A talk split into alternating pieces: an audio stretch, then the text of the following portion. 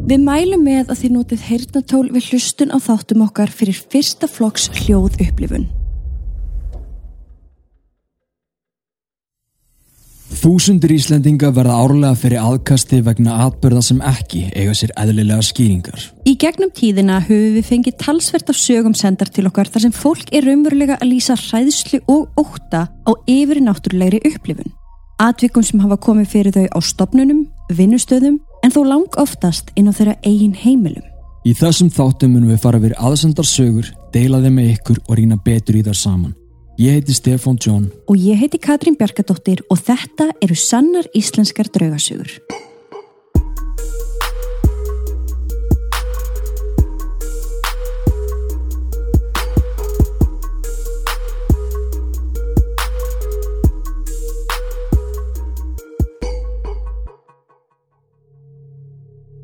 Við viljum minna á að draugasögurnar okkar eru ekki við hæfi barna yngri en 13 ára nema með leifi fullorna.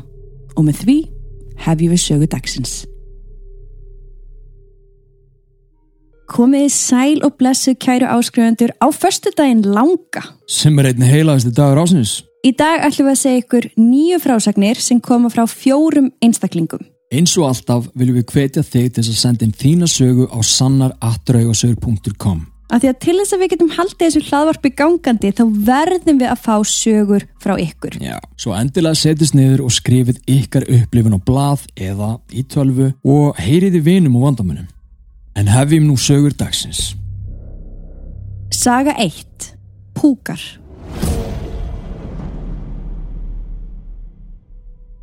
Fyrstu fjóra frásagnar koma frá konu og við skulum lesa tvær í einu og taka svo spjall á milli. Ok, til í það. Frásögn 1. Þegar ég var um 10 ára gömul þá lá ég upp í rúminu mínu þar sem ég átt að fara að sofa.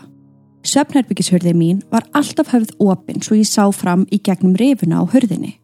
Þar sem ég ligg þarna og horfi þá sé ég einhvern lappa fram hjá hörðinni minni, inn á gang og ekki tilbaka aftur.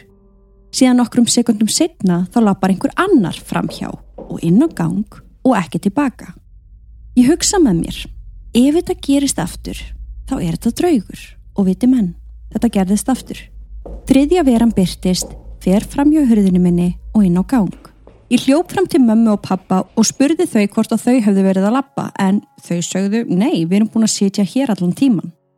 Ég tek það fram að það var engin annar heima nema litla sýsti mín sem var sofandi og það sést mjög greinilega þegar einhver er að lappa inn á gangin í hvaða átt og hversu há manneskjan er og það er bara ein leið inn á gangin. Þannig að það var ekki eins og það hafi þarna verið einhver einn að lappa í ring þrísvar sinnum. Líka Þetta gerðist trísvar en það voru bara tveir fullornir í húsinu. Þannig að ég hef útlokað að það geti átt einhverja eðlilega skýringu. Þetta hlýtur að hafa verið eitthvað yfirnáttúrulegt. Frásögn 2. Þegar ég var lítil þá var ég rosalega hrætt við gröts krakkan. Ég bara hreinlega gat ekki séð myndavónum því þá sturdlaðist ég úr hræðslu. Ég hafði nefnilega séð bíómyndina og myndir sérstaklega vel eftir atriðinu þar sem það er verið að drekja einni mannesku, mann ekki í dag nákvæmlega hverða var og þegar litli gröts strákurinn var á milli rimlana. Ég myndi vel eftir því að sitja í sófanum með fjölskyldunum minni og horfa á myndina.